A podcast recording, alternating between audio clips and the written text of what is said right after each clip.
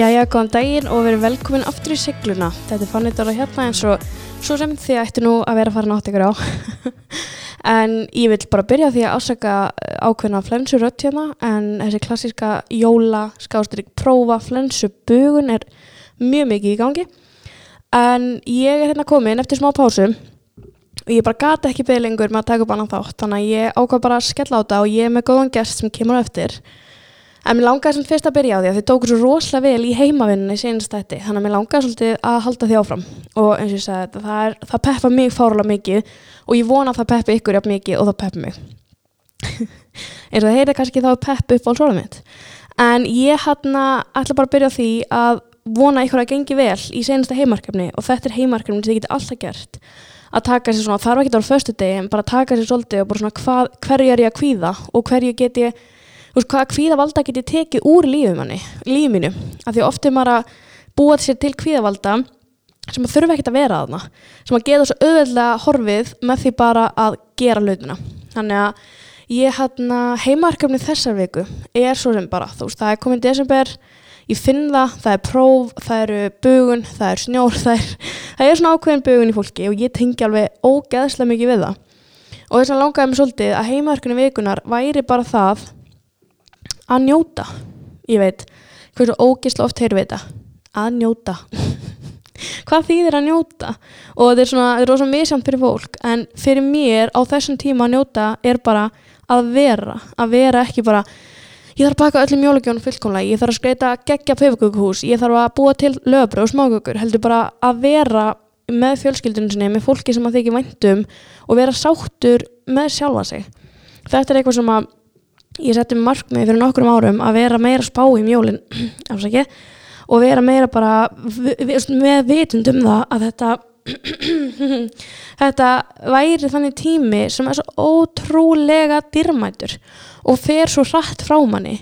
Og þetta er svona tími sem maður á að heyri sínum nánustu og þetta ámar að taka það alltaf inn í lífsitt bara. En þetta er tímin klárlega til að vera bara kjur og njóta og ekki láta tíma hlaupa fram í sér án þess að horfa á daginu sinna og vera bara vákvæða góðu dagur. Og ég var nefnilega umræðið með vinkunum minn um daginn og vorum að tala um það hvað það hefði tekið mikið jólinn frá mann að vera í prófum í desember. Og ég er nefnilega ósamála sig af því að fyrir mér þá voru jólinn alltaf bara svona, það komið desember maður er það í veist það er svona ekkert breytt einhvern veginn. En núna er ég svo miklu spenntar fyrir jólunum svo miklu þakkláttur fyrir enn tíma því það þegar það er komið þá er ég búin í prófum, álag þessa ársusnæla meira bara búið og ég get meira bara verið. Og það er svona mælið með að þið lítið svona svolítið öðruvísi á hennan tíma heldur en hafið alltaf verið að gera. Og ef jólinn hafa alltaf rosa mikið snúist um veist, pressu, um, flotta gafir að gefa og þetta allt að vera þá bara að byrja hvað enn tíma sem er gott hjá mér?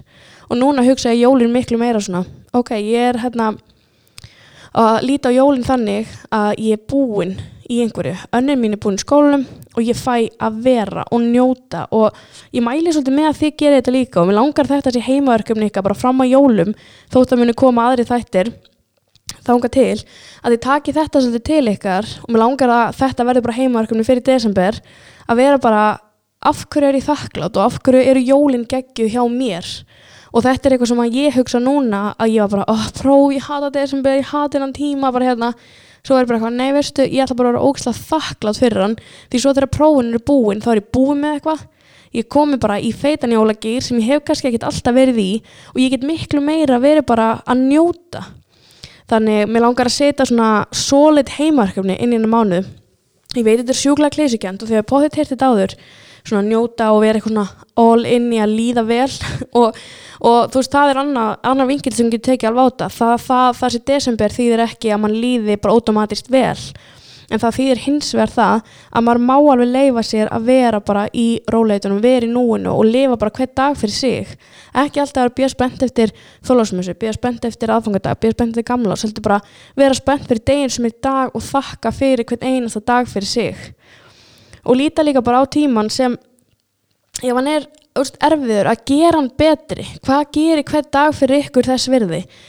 Og hvað er það sem að litli hlutinir sem að þið getið gert til að gera þennan dag geggjan og svo líka langaði mig að minna ykkur á að ég setti mig markmið að minna ykkur á, segja ykkur frá því að ég setti mig sérst markmið í desember að rósa einhverjum á hverjum degi að því að þetta er bara ofta eitthvað sem gleymist í hverstasleikunum og ég veit hvað því er rosalega mikið fyrir mig þegar ég fæ eitthvað svona fallið skilabóð Instagram eða eitthvað svona bara eitthvað litla kvartningu og ég er búin að vera bara að vinna markvist í því að rósa einhverjum á hverjum degi í desember sem ég ætla svo að taka með mér inn í næsta ár. Ég er ekkert rosa mikið eitthvað svona fyrsta janúar, ætla ég byrja rættinni ætla ég þetta, uh, uh, eitthvað svona setja mér hellinga markmiðum, heldur reynir ég frekar að breyta einhverju einum svona ekki ósig kannski beint, einhverjum einum hlut sem ég langar að taka inn í árið. Og fyrir mér er það að vera duglegur að rósa fólki, að ég veit alveg að ég er ekki einum það að vera eitthvað svona hugsa bara, og þessi standar er svolítið vel. Og svo gleymar að segja það, núna er ég reyna að vera meira meðvituð um að segja það, þannig að heimarkefni ykkar fyrir desember langar mig að sé að hugsa um ykkur, hugsa vel um ykkur gera það sem lætur ykkur líða vel og ekki láta alla utankomandi pressuna eiginlega fyrir eitthvað tíma sem á að vera bara tími ljósana, tími þess að geta verið með fjölskyldunum sinni eins og maður vill og hafa það huggulegt og hrósa öðrum í kringu sig því að þetta er einmitt tímin sem að þarf alveg mjög mikið á því að halda til að koma sér í gegnum svona langa og langa og erfiðar nætur og kvöld og daga og þú veist jólatímin getur alveg verið mjög kviðvaldandi fyrir marga og fyrir mig meðal annars Þannig mér langaði einmitt að bara hveti ykkur til þess að hrós ykkur og þess að langaði mig að taka hrósdagsins sem bara til ykkar hlustenda því ég veit að það er ekkert grín að setjast neður að gera hvað og hlusta heilt podcast og vera bara að finna fyrir kvartningunni og mér langaði að hrós ykkur fyrir það að þeir sem eru að hlusta og geti tekið til ykkar það sem ég er að segja og það sem viðmældi mín er að segja því það er bara því líku vöxtur í sjálfu sér að geta gert það. Þannig hrósdagsins hjá mér allavega til ykkar sem er að hlusta og muni geta tekið þetta til sín og verið bara, heyrðu, ég ætla að sinna þessu heimarkefni, ég ætla að gera þetta. Og taka bara, setja fyrir sjálfu ykkur líka hvað heimarkefni vil ég að þessi vika sé? Hvernig get ég gert líf mitt aðeins betra þótt að sé ekki nema bara hafa reyndi kringum mig eða sofa aðeins lengur eða fara fyrir að sofa eitthvað, þið skiljið hvert ég er að fara með þetta.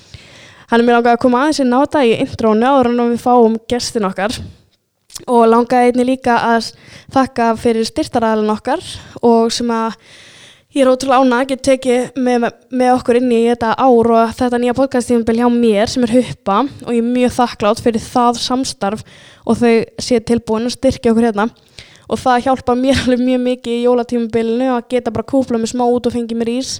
Og eins og ég segi þetta er náttúrulega íslensakasta í heimi að fara að fá sér ís þegar það er snjórúti en það er líka bara eitthvað svo, það er eitthvað sem að gefur manni enga pressu og bara veljiðan þannig að mér langaði að þakka svo innilega styrtaralum mínu fyrir það. Þannig að ég ætla bara að kynna ykkur fyrir nýja viðmælandurum og taka ykkur með mér inn í þáttin og ég segi því verða að afsaka þess að rött hérna. Hún er smá kannski öðru sem vennilega og kannski er það bara allt í haustum á mér. Kannski er hún bara alveg eins. En já, ég vona allavega að desember fyrir ykkur verði góður og verði bara tími sem að þið fáið að njóta og ekki kvíða fyrir hlutum sem munu koma hvort þið er jólinn koma saman hvort að við séum tilbúin eða ekki.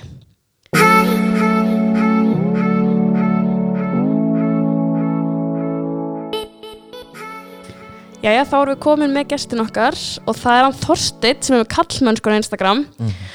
Velkomin. Takk fyrir. Í segluna. Takk. Hvað hérna, eða þú ert til að byrja bara á því að segja okkur frá því því sem þú ert að gera því að við gerum bara alltaf ráð fyrir því að hlustundur viti ekkert hverju hann í stólum hefur Já, þannig að hvað ert þú svona að gera og hvernig kom það til? já mm, Sko, já, ég sem steiti Þorsteinn Mm. og er með uh, aðalega kannski kallmennskuna á Instagram og svo sem Facebook líka þar sem að ég er að velta upp um, ef að segja viðteknum kallmennsku hugmyndum og er, ég segi sér að skoða þar í feminísku ljósi Mm. og ég semst er í meistaranámi í kynjafræði núna uh, og er að klára ég er að, var semst að klára bara um helgina síðustu verkefni mín. Mm, en hvaðan, sko, sagði ekki, hvaðan kem ég og, Já, hvaðan kemur þið, hver ertu? já, bara litlu spurningarna svona til að byrja já, þetta er samt flóknustu Já, ég spurningar, veit bara hver ertu? Og, og maður veit ekki hvað maður á að byrja. En eh, ef við ekki að byrja bara af hverju ég fór inn í þetta að, að tala um kallmennsku af því að ég segi það oft og ég fer reglulega með fyrirlestar inn í, inn í grunnskóla, félagsmyndstöðar, framhaldsskóla og víða og ég byrjaði vel þetta á að segja að ég er fyrirhandi kallremba og fáviti. Mm. uh, af því að ég rauninni eh, veist, ég spilaði fótbolta í 20 ár, ég hef einhvern veginn alla mína æfi verið inn í þessu normi svo kallaða, bara straight gaur í fótbolta og, og, og ég haf haft svona neikvætt viðhór til feminisma, sérstaklega og jafnbreytt sparóttu og allt þetta.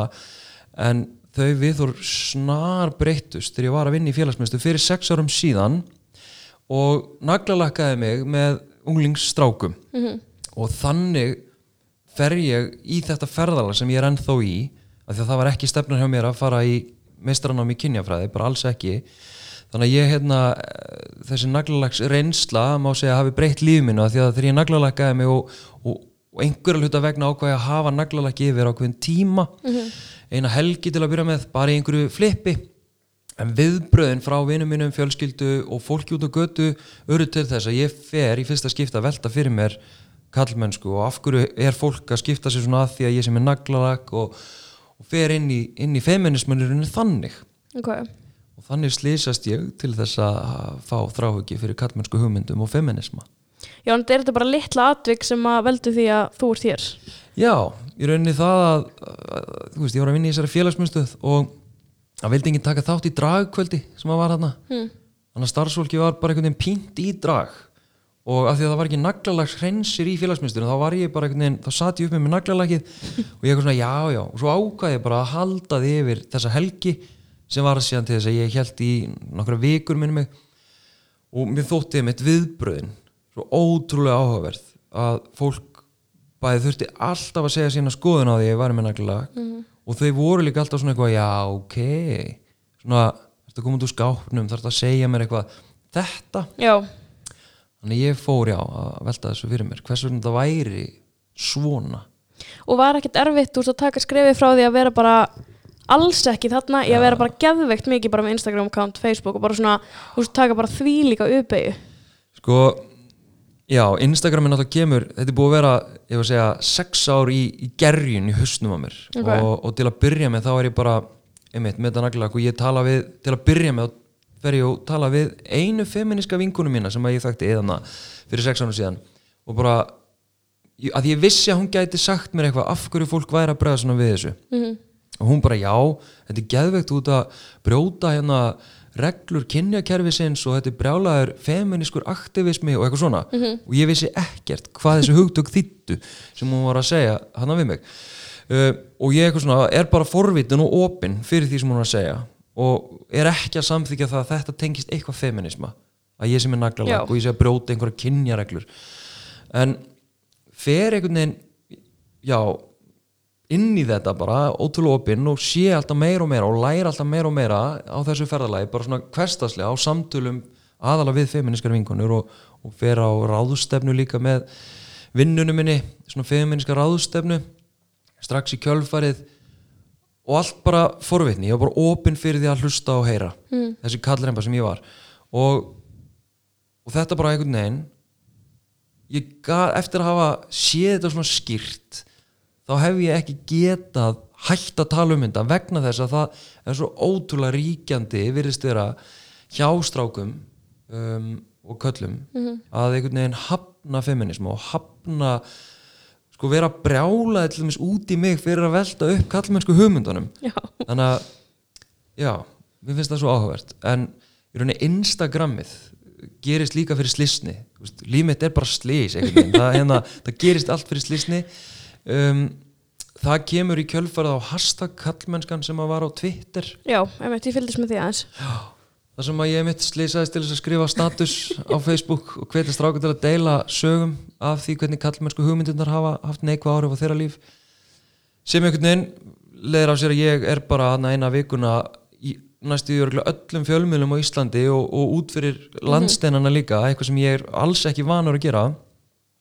Og flækist alltaf inn í svona massífa umræðum kallmennsku og finn þá uh, ríka þörf um, fyrir að tala meira um þessa hluti byrja á því að að fara með fyrirlestra, bara eitthvað svona að tala um mína reynslu af þessu naglalaki og hashtag-kallmennskan og eitthvað og sem verður síðan að ég þróa þennan fyrirlestur sem ég er núna búin að vera að fara með í svona eitt og halvt ár. Og, og hérna og ég byrja í rauninni Facebook, ég byrja að stofna kallmennskan á Facebook engöngu til þess að fólk geti sko rýtsa mig, náði í mig til þess að vita að ég er að flytja fyrirlestra. Uh, og ég kunni, æ, ég á ekki bara að stopna Instagram líka. Ég vissi ekkert hvað ég ætla að gera með það. Stopna þetta Instagram og, og það uh, verður rauninni bara svona megin miðlinn minn. Já, alltaf Facebook er dött. Já, sko eldra fólkið er klálað þar og ég finn það, það er mjög merkilegt að sumir póstar sem bara gjössanlega fá bara brjála aðtigli Mhm. á Instagram það er bara þögn á Facebook og öfugt, já, það er mjög áhugavert. Mhm. En hefur alltaf verið þá, veist, hefur alltaf verið svona, þú veist, tekið svona og bara, hverju, ég ætla að gera þetta, eða þú veist, hvernig, þetta er svo miklu starra einhvern veginn og eins og ég var að skrolla ekki um Instagram áðan og þú veist, þetta er svo miklu meira en bara það að vera með nagla, þú veist, hefur alltaf svona bara gegnum þína tíð tekið svona upp hanskan eða myndur þú segja að það hefði alls ekki verið þannig? mm, ég, ég veit ekki alveg sko ég náttúrulega hef aldrei verið eitthvað í einhverjum svona aktivisma. Nei, þú veist, bara null, alls ekki. En það líka í forréttindastu alveg döðans, bara hvítur kallmar í fótbolta og bara, þú veist, nákvæmlega, bara hvað er þessar kettlingar að væla? Veist, þetta var í alvörinni viður á mitt og þannig að þú veist, ég bara nýbyrjar. Og náttúrulega gerist með náminu mínu í kynjafræðinni Mhm. að ég fæ svo mikið hugtökum uh, og, og fæ svona skilgreiningar á það sem ég hef upplifað og séð. Mhm. þannig ég get einhvern veginn fara að tala um það já, í, hérna, eins, og ég, eins og ég gerir stundum með sömum pósta.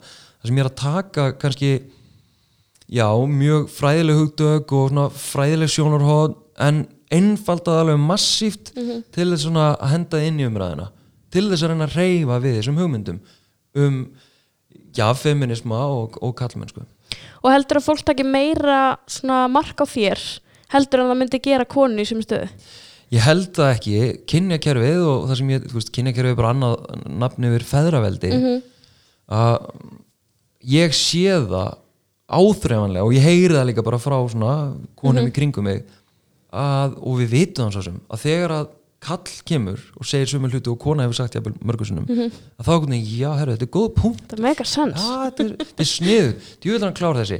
Þannig að ég finn það alveg já að, að já að fólk einhvern veginn verðist vera tilbúð að hlusta á mig þráttur að ég sé að, að mörguleiti að segja margt sem hefur verið sagt í gegnum tíðina. Þannig að veist, ég er alls ekki að finna um hjólið bara alls ekki.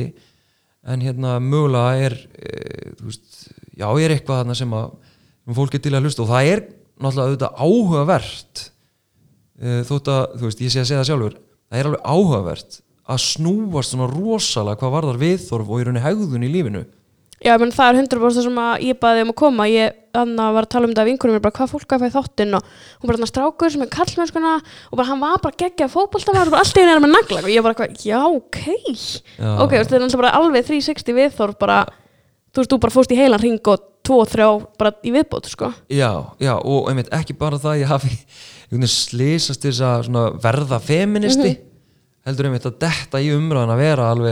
að sko að augra mm tugi kallmann ef ekki fleiri sem bara gjössanlega sturlast þegar ég er að segja eitthvað. Það er klikkað. Bara, En hvernig tók vinahópurinn í þetta? Því það er kannski svona erfiðustu þú veist, voru þeir ekkert bara hættu nú, please.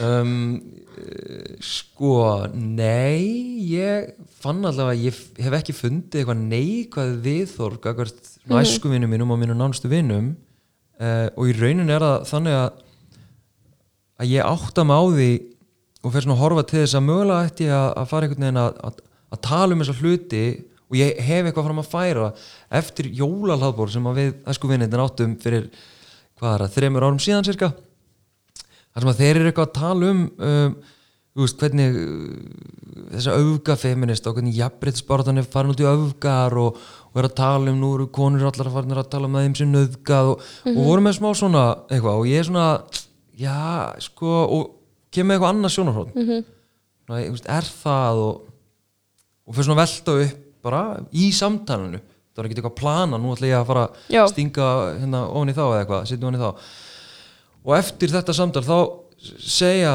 þú veist, komaði svona tveir, vorum held í tíu þarna út að borða. Bara vá, takk fyrir þetta, ég hef bara ekki velt þessu svona fyrir mér, ég hef aldrei pælt í þessu svona, það er góðu punktur og eitthvað þannig, og ég svona, já ok. Þannig ég gat aðeins ítt við þeirra viðþórum Einmitt. þá mögulega get ég hreifti fleirum. Mhm. og hef verið í rauninni eftir að þetta naglalags, þessa naglalags uh, reynslu þá hef ég verið að leita að snertipunkti hvernig get ég náð í gauðra eins og mig? Mm -hmm. gauðra sem bara loka augunum fyrir feminisma og jafnbryttsbáratunni af því að það bara kemur þeim ekkit við. Þannig þeir upplifa það að það skipti það einhver máli. Já. þannig að í rauninni var hasta kallmennskan svona stóri, stóri snertipunkturinn sem bara einhvern veginn svona sprengdist einhvern veginn upp og, og gaf mér ákveði plattform sem að, já, sem að ég nýtti mér Já, ég meina, ég held að það sé nú bara gott þegar allir eru að tala, þú veist, að því að núna er bara, hm, ætli fólk myndi taka mér, ég myndi segja þetta líka, en ég held að það sé bara gott svo lengi sem einhver er að halda þessu upp á lofti því það er alveg erfitt að vera kona og ætla líka að vera bara, já, já, já, hlusti nú á mig því þetta er misrétti, þú veist, það er líka alveg drullu erfitt og alveg gott að fá bara alla með í lið og allt hannig já, og heldur þetta sé viðþorf sem að er svona degjan að gæslappa með eldri kynsluna heldur að þau sé að því ég hugsa miklu leiti að því að við tölum um þessi eldri kynslu og fóldra okkar og þetta sé bara að skoðanir þeirra sé svona hættar að skipta máli að þannig. En ég held alveg að mörgu leiti sé þetta farið að hafa áhrif á okkur líka. Að þetta er náttúrulega úst, hvernig við erum upp og ég viðkynna fúslega úst, ég elst upp út á landi bara með fullorðna fóldra og, og ef þú hefði komið hingað inn og ég hefði ekkert auðvitað um þig og segið mér naglag þá hefði ég örgulega verið svona hmm, hvað, en samt tel ég mig alveg feminista full on bara og þú veist, það er bara áfram allar konur, þú veist, allt hérna bara áfram allir en þú veist, það er eitthvað svona við þá áttan að hausnum manni sem er búið að segja, þú veist, svona átt að vera svona er strákar, svona stelpur að vera. Já, ég veit það. Já, ég veit það. Sko, þetta er erfitt, það er erfitt að snúa þessu. Já, já. Um, já, það voru marga pælingar sem kom í hausnum mér núna, það er ofta að segja þetta. Uh, núna fyrir að detta út aðeins en hérna, já, sko þetta með sko, já, konur í rauninni hafa, ekkert í rauninni, konur vinkunum mínar og feminiska konur hafa kent mér mest um kallmennsku Mhm. þannig að í rauninni af því að hlusta á feminiskar konur sérstaklega þá hef ég fengið einhverja speglun eða geta speglað sjálfa mig og lært eitthvað um sjálfa mig og kallmennsku þannig að þaðan kemur dálítið margt af þessu sem ég hef lært um, um kallmennsku varðandi þessi viðþór með eldri kynslu þetta er ógeðslega áhugavert af því að nú er ég svona að koma með smá vísbendingar í rannsóknum minni. Ég er semst að tala við ég, ég bæði að rannsaka frásagninnar undir hasta kallmennskan á Twitter. Ég bara veginn greina þær í tætlur hvaða kallmennsku hugmyndir eru þar og hvaða veruleikurinn eru kallmenn að lýsa þarna. Og svo er ég líka að taka viðtöl við uh, kallmenn sem eru ekki feministar en mögulega jafnbreytti sinnar þannig að til þess að reyna að fá svona dýbri einsinn inn í þennan veruleika. Og vísbending, ekki niðurstað vísbending um eitthvað uh, er, hef ég svona, svona sé smá að þeir tala nokkrir um einmitt að viðþórin að sé einhvers konar úreldar hugmyndir um kallmennsku sem að séu í eldri kynnslóðinni -hmm. og sumir hafa sagt við þurfum kannski bara að býða eftir að þau degi út Já.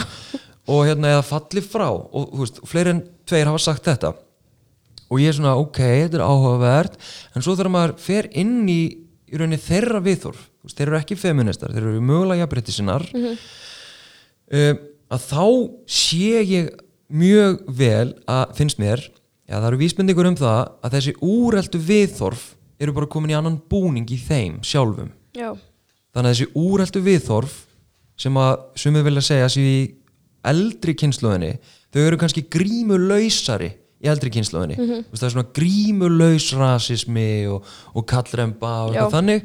En í yngri kynnslóðinni þá upplifi ég að þetta sé meira svona falið. Mm um, dulið í svona einmitt svona kynhlutverka svona, ég meina konur eru bara svona strákar eru bara svona sem er ákveðin sexismi. Að, að strákar séu nú bara fættir harðir leiðtóar eitthvað. Þannig að já ég er svona að sé vísbendingar um það og ég, líka ég veit það bara að, að þetta kynjakerfi það litar okkur, það er búið að móta okkur allt okkar líf, það er allt háð kyni. Við hugsum allt í kyni og við skipulegjum bara samfélag okkur út frá kynjum. Og þá þessari tvíhyggju. Það sé bara kall eða kona og kallar eru svona, þeir líta svona út með þessi viðþorf, konur eru hins einhvern veginn, andstaðan við það. Við erum ótrúlega upptökinn að þessu og ef við skoðum bara menningarefnið okkar teiknimyndir, bíómyndir, klámefni það er allt saman sem sýnir einhvers konar valdatengsl milli kallmennsku hugmynda og kvenleika hugmynda. Þannig að auðvitað hefur þetta áhrif á okkur og svona smígur undir skinnið okkar. Eins og maður vill það samt ekki, sko. Og einmitt, og við erum að berjast við teljum okkur vera sko, meðvituð og á Íslandi og allt þetta en þetta samt sem áður takmarkar okkur og hefur ótrúlega hérna, bara mikil áhrif á hvernig við hugsum um okkur. Mhm. Ég held að fyrir mér hafa þetta verið svona úst, að því ég var einmitt bara, þú veist, þetta er bara svolítið svona og ekki að bara breytast á minni tíð. En ég fattaði hversu mikið ég get breytt þessu ég hef búin að vinna með náttúrulega bönnum alltaf. Og ég hérna byrjaði sérst með svona hrósring þar sem við hrósa hvort öðru og svo áttu að hrósa sjálfu sér. Og þau máttu ekki segja, úst, ég er með flott ég er flottur í peysu, úst, þau máttu ekki hrósa fötunum sínum. Já, og allir strákarnir sögðu hérna, ég er góður að hlaupa, ég er góður í fótbolta ég er geggjaður að skrifa. Og allar stelpuna sögðu, ég er sætt, ég er góð ég er, og ég var bara nei, nei, nei, nei, bara, ó nei. Já. og ég eitthvað svona, þú veist, ég er eitthvað svona ég er geggjuð að leika mér, eitthvað hérna og er alltaf eitthvað svona, ég er geðveitt gáð, eitthvað svona, Já, og alltaf að reyna að vera eitthvað þú ert ekki bara sætt, eitthvað hérna. Já, já, en svo fyndið, þú veist, þau eru þryggjára og þau bara fatta, veist, er svo veist, og þá er svona, hversu mikill valdur eru við sem kennarar á þau og þú veist, Mhm. allt sem við gerum í umhverfinu þú veist, með er bara pínulitla vísbyttingar sem að verða upp á þessari heldamynd sem er bara svona er ég og svona er þú sem er, sem er svo vond, sko. Já, og, einmitt, og líka því að þú veist, foreldra hafa áhrif mm mitt kennar hafa áhrif krakkarnir sjálfur hafa áhrif hvert og annað -hmm. og svo erum við að fá einhver skilabúr úr sko, menningun okkar bara við sjáum ákveðin veruleika fyrir augunum okkur. Mm og í einmitt öllu menningar efninu þú veist, teiknumyndum og svo framvegis. Mhm. þannig að allstaðar, auglýsingar og svo framvegis þannig að allstaðar við að fá í rauninni sömu skilabúðin -hmm. þú veist, óvart. Veit þrátt fyrir að fóreldræjabil séu mjög meðvitaðir mm þá samt þessi kynniðu skilabúð, þau, þau komast alltaf í gegn. Og út um allt. Já, af því þau eru út um allt. Mm og líka bara svo með, þú veist, batnaefni ég man að ég var ekkert um að tala við krakkana og svona, okkur er bara ein stelpa í kvolpásetinni eða þannig að áður hann Everest kom. Já, ég svona, akkur er bara ein stelpa? Og þau bara uh, það er bara þannig. Ég bara, nú, akkur er bara, það, mm, mm, og hún er alveg bleik og svona geðveikt mikil stelpa. Ég bara, já, af, af hverju, og svo kom Everest sem er græn eða eitthvað og hún er aldrei neinstar, þú finnur enga bángsafinni þú veist, Ah. krakkarnir halda ekkert sérstaklega upp á hana. Ok. Og ég bara, ég er alltaf eitthvað, þú veist hvað hva, hva gerðist til að 2019 kom batnaefn út sem einni stelpu já, og fimm öðrum hundum sem eru strákar? Og allt svona sem maður svona setur svo mikið spurningamerki við því þetta eru bara börn. Já, og svo fólk segir þau eru bara börn. Þau vita sjálf hvernig stelpur að vera. Já, nei, það er því einhver sagði þeim að já, já, út af því nákvæmlega. En það er svo áhugavert. Bara, hva, af hverju vita það svona vel? Af hverju, þú veist að því sonu minn sko sem er áttar núna var, mér minna hann hafi verið kringum fjögur ára þegar ég var að naglalæka með hana fyrst. Og hann er ógeðslega spenntur um naglalækinu og fer oft naglalækar hann sko bið, bað oft um naglalæk ef hann var duglegur að borða kvöldmatinn sinn. Mm, þetta var svona velun já, og hún varst geggja að fara naglalækaður í leikskólan og svo bara einn daginn kom hann heim herri ég vil ekki naglalæk, það er bara fyrir stelpur. Og ég bara eitthvað nú, og reyni einhvern veginn að að, hérna, veit að þessu anspyrnu að hann var bara, nei, þetta er bara fyrir stelpur sko, mm og það var bara ekki dættu snúið, nei, það var bara hann var mótaður. Þetta er, þetta er svo magna og við ræðum þetta oft sem kennarar þú veist, við tókum einhvern veginn umræðum þetta og hversu oft erum við að segja stelp og strákur? Veist, komið stelpur, komið strákar? Og allir eitthvað, ég nota aldrei þetta. Og ég bara, uh, uh, jú, víst. Við gerum það öll, að þetta er bara ómeðvita inn í okkur að, að, ve- að vera alltaf að kynni okkur og veist, stelpur fara með að fara fyrst, þeir eru svo duðlegar strákar býð aðeins og þegar hérna. og þetta er alltaf, þú veist, stelp og strákur. Og svo erum við bara að sjá að kynin eru bara fleiri og þetta er ekkit svona svart og hvitt bara stelp og strákur, sko. Já, og sko þó að við tölum um hérna stelpur og stráka Mhm. að, að þá samt sem áður vegna þess að við erum svo upptekinn af einhvers konar eðli eins og við höfum bara fæðist stelpur eru svona og strákar hins segin einhvern veginn uh, að, ok, þó að við tökum bara þá umræð um stelpur og stráka að þá samt sem áður uh, veitum við á- ótrúlega lítið svigrum til þess að strákar séu segja fjölbreyttir. Já, strákar megi hafa áhuga á því sem skilgrinu sem stelpulagt mm. það er það sem er vond að við erum svo upptekinn af því að það séu viðþorf og hegðun og útlit og áhugamál og svo framvegis sem að, sé, sem að fylgi kyni. Mhm. það finnst mér vera allra versta og þetta er líka að því að núna ef ég mitt eftir fótbolta og ég fótbolta í tíu ár og ég man alltaf svo mikið eftir í að hana, við fengum aldrei að spila á græsvellinum þótt að við varum í meistaraflokk og strákarnir líka. En því að meistaraflokkur var gemdur fyrir stráka. Mhm. en þá voru við að spila ólöglegum gerðugarsvelli sem var ekki Já. réttur sinni. Og og þú veist, maður gleymur þessu aldrei. Það var alltaf bara, strákarnir eiga völlin dag þeir megi fara ef að þeir eru búnir Þú veist, og samt voru við að spila nákvæmlega sama leveli að keppast um nákvæmlega sömu titla. Og ég var bara að lesa á Facebook áðan þar sem að hann voru að tala um að, þú veist, eitthvað, körfuboltali að það er bara verið fjallað um kalla körfuboltan þótt að konuna voru að standa sem mun betur. Ah, ok. Þú veist, af hverju af hverju er þetta? Svo bara og ég segja það? Já, nei, eða þú veist, þetta er svo klikka, við erum að tala um að þú veist, konur er að standa sér fáralega vel í íþróttum bara út um allan heim í öllum íþróttum en samt erum við ekki að gefa þeim nætt kredit og leiðinni erum að draga kallana niður líka, veist, þetta er ekkert að því að kallar er ekki að græða neitt á því að konum sé aldrei nei. er alveg pláss fyrir alla.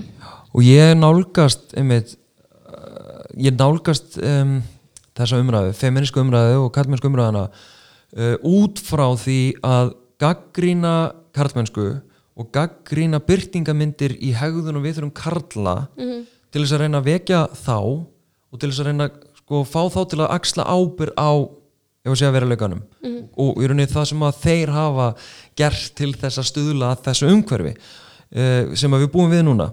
Þannig að ég er svona fókusa á ég reyna alltaf að vanda mig um þetta að segja ekki einhvern veginn um, var að segja hvað konur eiga að gera betur eða vera öðruvísi eða eitthvað svona.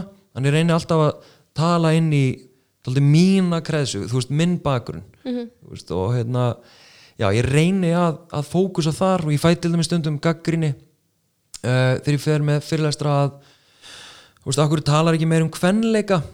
Að þess að fyrirlesturinn byggir svolítið á að, að lýsa byrtingamyndum og afleðingum kallmennsku hugmynda og hvernig það bytnar á köllum meðal annars. Uh, en ástæðan fyrir því er hreinlega að því að ég sjálfur tilenga mér kallmennsku já, og er kallkins og mér finnst bara komin tími til þess að, og mér finnst það að vera dálítið mitt hlutverk sem ég kannski tekið að mér dálítið. Uh, ekkit eitthvað sem fulltrúi neins, heldur bara í, það, það sem ég hef ákveð að gera er að já, einbytta mér að köllum og kallmennsku því að mér finnst að vera rétt að við, kallar tökum pínu meiri þátt og ábyrð á þessum veruleika. Einmitt. ég meina, það er alveg jafningi kallan að segja bara okkur eru það ekki vellinum, skilur þú veist? Já, já og þetta er líka bara, þú veist að því núna er þetta til svo mörgum þú veist, til svo mörgum vikslum umræðum og allt þannig og ég fór hérna spásaldi í þessu þegar ég var ég var svona stórum svona leikskóla kennara fyrirlestri, örgulega hundra manns. Og það var skiptið svona hópa og það hefur örgulega verið bara óvart akkurat einn kall, þetta er náttúrulega mjög kvenlegt, þú veist, það er mjög eiginlega yngir en mjög fáir kallkins leikskólakennar en það var akkurat einn í hverjum hópi og svo áttu allir að koma og standa upp og segja niðurstöðuna sína og í öllum hópunum stóðu strákanir upp. Er þetta ekki að djóka? Allir, veist, og ég samt sko til að taka þeirra hlið þá báðu allan maðurinn í minn hóp bað ekki um það, heldur sögðu við allar þú, þú tekur þetta, þú gerir þetta gerð þú þetta, við, við, við, við mm, veist, konur með kannski 40 ára reynslu á leikskólasviðinu og, og þarna var eitthvað strákur sem var leiðbyrnandi var ekki búið með námi bara, já, já, já ég, stund, ég, já og í öllum hópunum stóð, stóð upp strákar og ég var bara, hvað er við líka að gera til að vera þú veist, að draga okkur niður. Þú veist, ég var líka bara, af hverju fannst mér ég ekki nóg örug til að segja frá niðurstöðum sem voru ekki eins og bara mínar og voru bara blaði? Mm. þú veist, ég var ekki eins og segja frá mínum einn skoðanum sko. Nei, nei, já, þetta er mjög, þetta er mjög áhugavert. En þú veist, ég til dæmis myndi ekki fara inn í þetta. Þú nei, veist, ég myndi til dæmis ekki tala um þetta.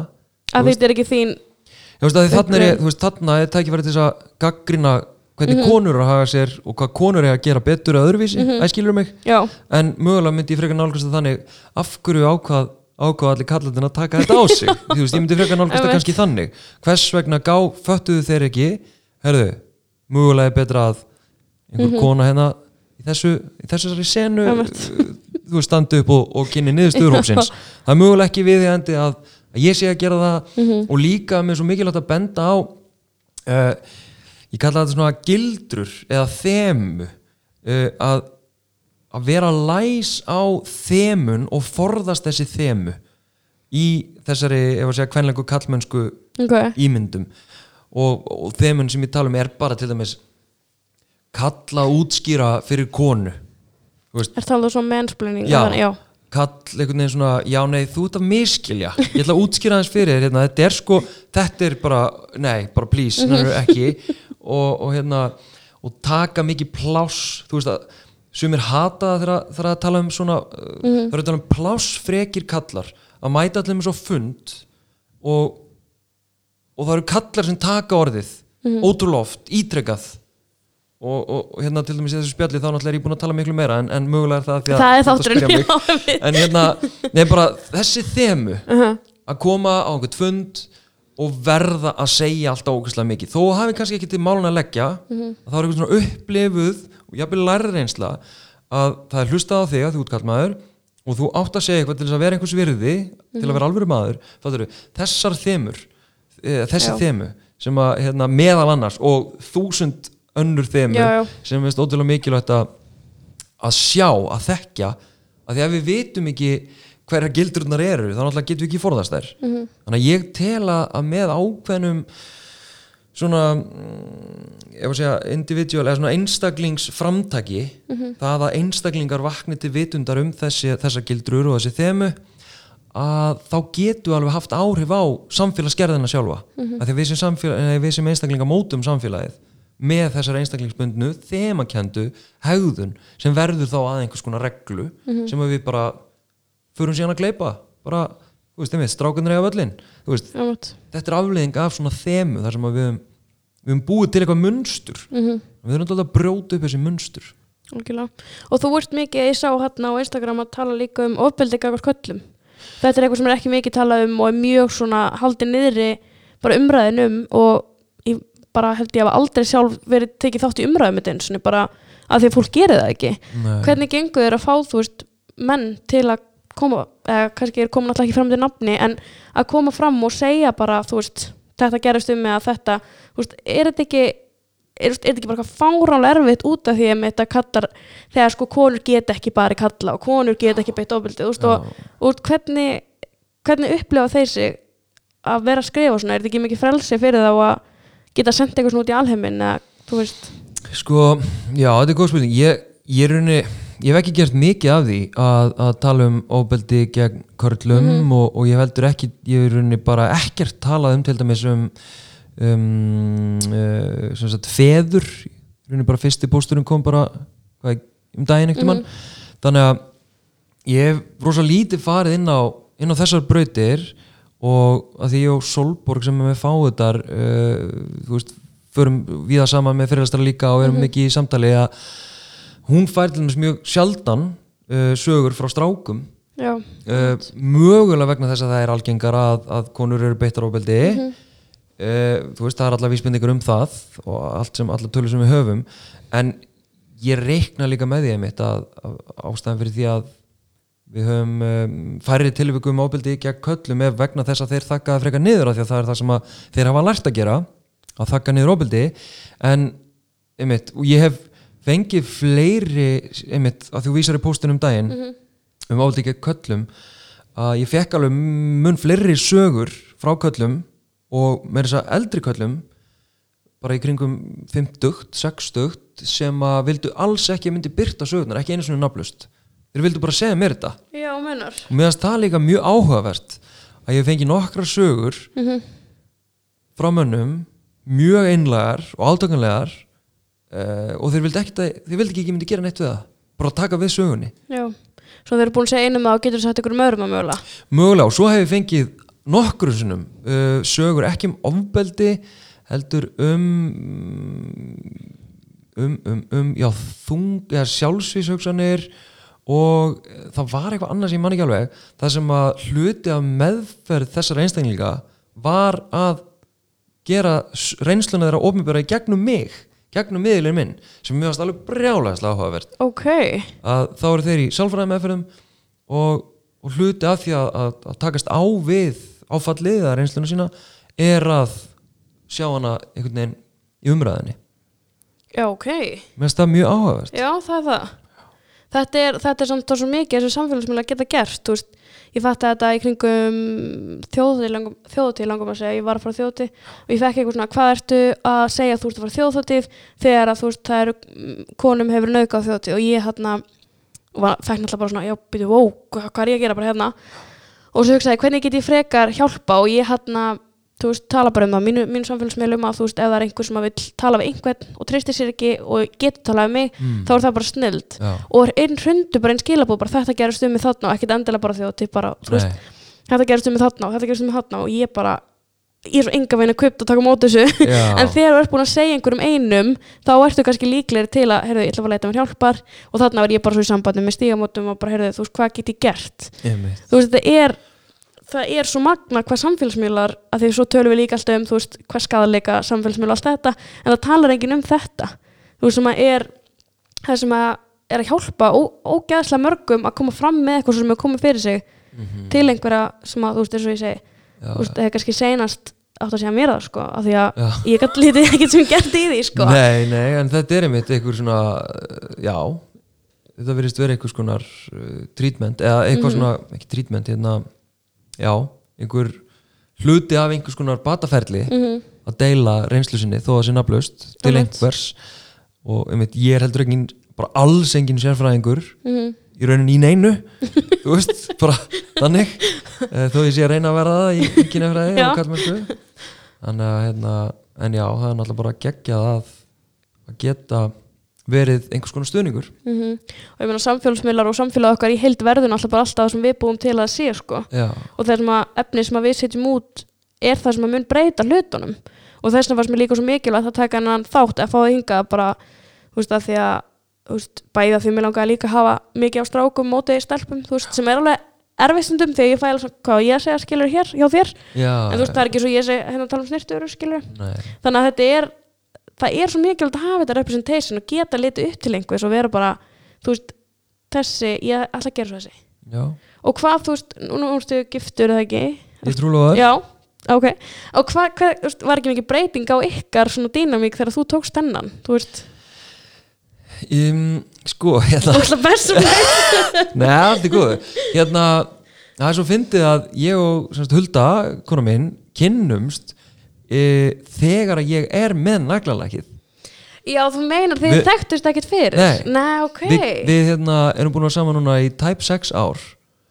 Og veit, það eru tæp 6 ár síðan ég var með þetta naglalæk í félagsmyndstöri þannig að við kynnum sko í gegnum frænda hennar og besta vin minn. Þú veist, þannig að það er Já, tenging ok. og við vissum ekki af hverju öðru þannig fyrir 6 árum síðan. Og, og hérna og einhvern veginn hann sko planar einhvers konar date og fyrsta date þá mæti ég með blikt og geggja þess að icebreaker Já, ég meina þetta allavega svín virkaði, sko, við erum hérna eigum, eigum tvö börn og erum trúlóðið nú og erum allir strákar á um naglak og finna drauma dísna í nákvæmlega, þetta er uppskriftin. Já, nákvæmlega. ah, já, þannig að hún kannski þekkti þið þá ekkert sem þessa kallarembur hún hefur bara alltaf þekktið sem svona þessa típu Já, hún, einmitt, hún hérna, við byrjum saman þegar ég er í þessu ferli að, að sjá sjálfa mig og læra um kallmennsku og hún alltaf á rosa stóran þátt í hérna, að þetta byrjar svona hugmyndafræðilega séð. Það byrjar að því ég fyrir að sjá já, það er einhverja kynjareglur í gangi. Strákar eiga að vera einhvern, það er einhverja kröfur þarna. Veist, þetta byrjar þannig og veist, með naglalækinu og svo fyrir þetta lengra. En síðan alltaf hefur þetta og, og það að geta staðið í þessari umræðu krefst þess að ég sjálfur hef þurft að vera tilbúin til þess að gjössamlega tæta sjálfan mig líka. Bara skoða all, öll mín viðþorf alla mína hegðun bara grand skoða mín mig ofan í kjölin -hmm.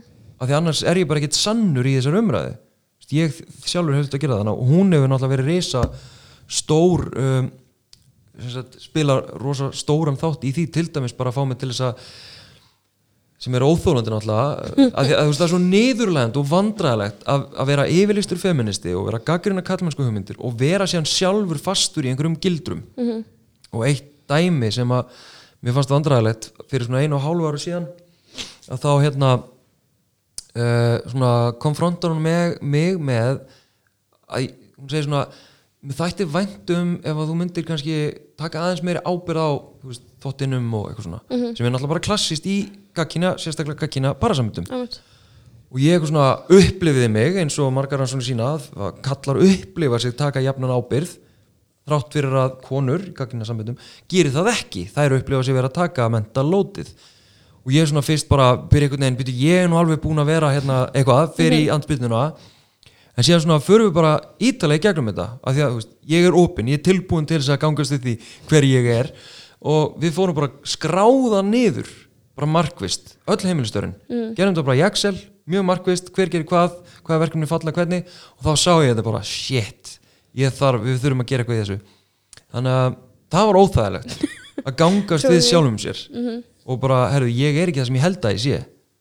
En hún hefur sínt mér margt. Og meðal annars hvað var þar e, bara tilfinningafærni og svona samkend og nánd í samböndum og Og ertu, ef við höldum áfram persónulega, ertu hérna, þú bara stopp mér, mér sko, mér finnst mann, mér finnst fólk svo áhugavert. Já. Þú veist, ég get endalast verið bara, "Bíddu, hvað meinur En er, þú veist, upplifur þá þetta samband, samband, hvað kannski samband sem er átt í fortíðin áður nú bara tókst þessi, svona, þessi við mig, heldur að þetta samband sé svona gott og þið eigi þetta, þú veist, eigi börn saman og þetta, heldur að sé að því þú ert búin að taka sér breytingu? Þú getur Um. miðaði við samband sem var bara, ef ég hefði kannski breytt, ef ég hefði kannski áttum á þessu fyrr, já, þá hefði ég kannski komist þangað fyrr. já, sko ég raunni hef bara verið í svona, ég myndi segja þremur svona alvarlegum sambandum og sem sagt, ég og Hulda eigum e, eitt bad saman og svo á ég eitt bad úr fyrra sambandi Mm.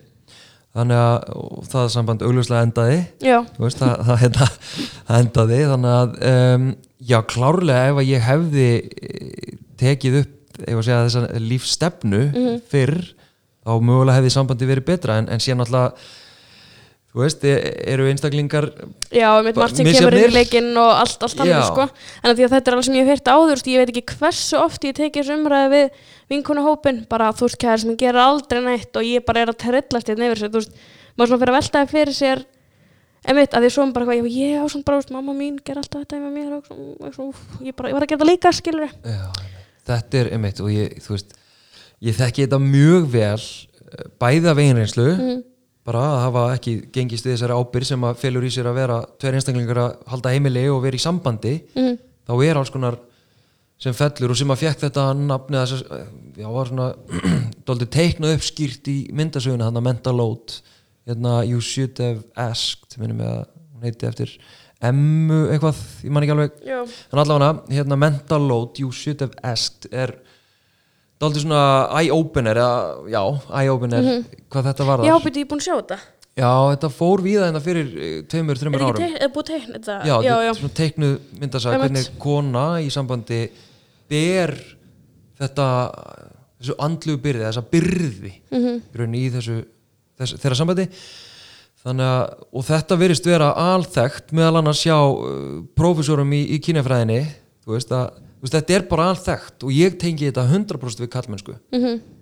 en auðvitað líka um, einhver, einhver leiti uppeldi Mhm. að því að við pikkum upp það sem við sjáum Einmitt. og höldum ég að bila við eigum að vera eins og eitthvað þannig að algjörlega ég held að þetta og sumar rannsóknir sína að að, það, að þetta til dæmis sé alveg djúb uh, rót ójabrittis í samfélögum svona hefðbundin kynhlutverkaminstur. Að það haldi einhvern veginn ójabréttinu gangandi og hafi jafnvel áhrif á atvinnu þáttöku kvenna og veist, þetta sé alveg miklu miklu meira heldur en bara það að pör sé í gagkynja samböndum sé að skipta jæmt á milli sín ábyrð mhm.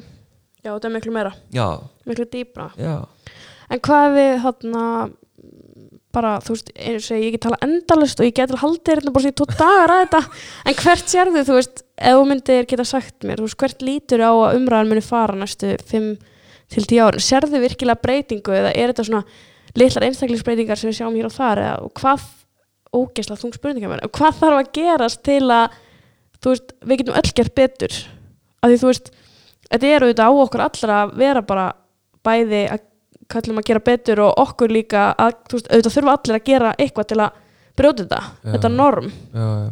náttúrulega konur hafa verið að því að þær bara voru hérna, bara kúaðar veist, í gegnum Já. söguna og þær hafa verið að berjast fyrir hérna því að fá að vera fullir þáttakendur í samfélaginu okkar í, í síðustu bara árhundruðina og, og náði ímsum árangri meðal annars bara já til, bara, til þess að njóta um, virðingar í samfélaginu og svo framvegis um, þannig að núna finnst mér þetta aldrei vera ábyrð kalla að opna augun fyrir því hvernig þeir eru að kom í veg fyrir enn frekara jafnrétti með því að skoða þessar kallmennsku hugmyndir meðal annars. Mm. þar sem að ég tala um og svona, ég rauninni legg út með svona loka orðin mín í, í fyrirlestrunum mínum er þrennt sem að ég hef sjálfur tilengað mér sem að hefur verið ákveðið vasaljós í, í myrkrinu að, að þrefum áfram til þess að finna út úr þessu.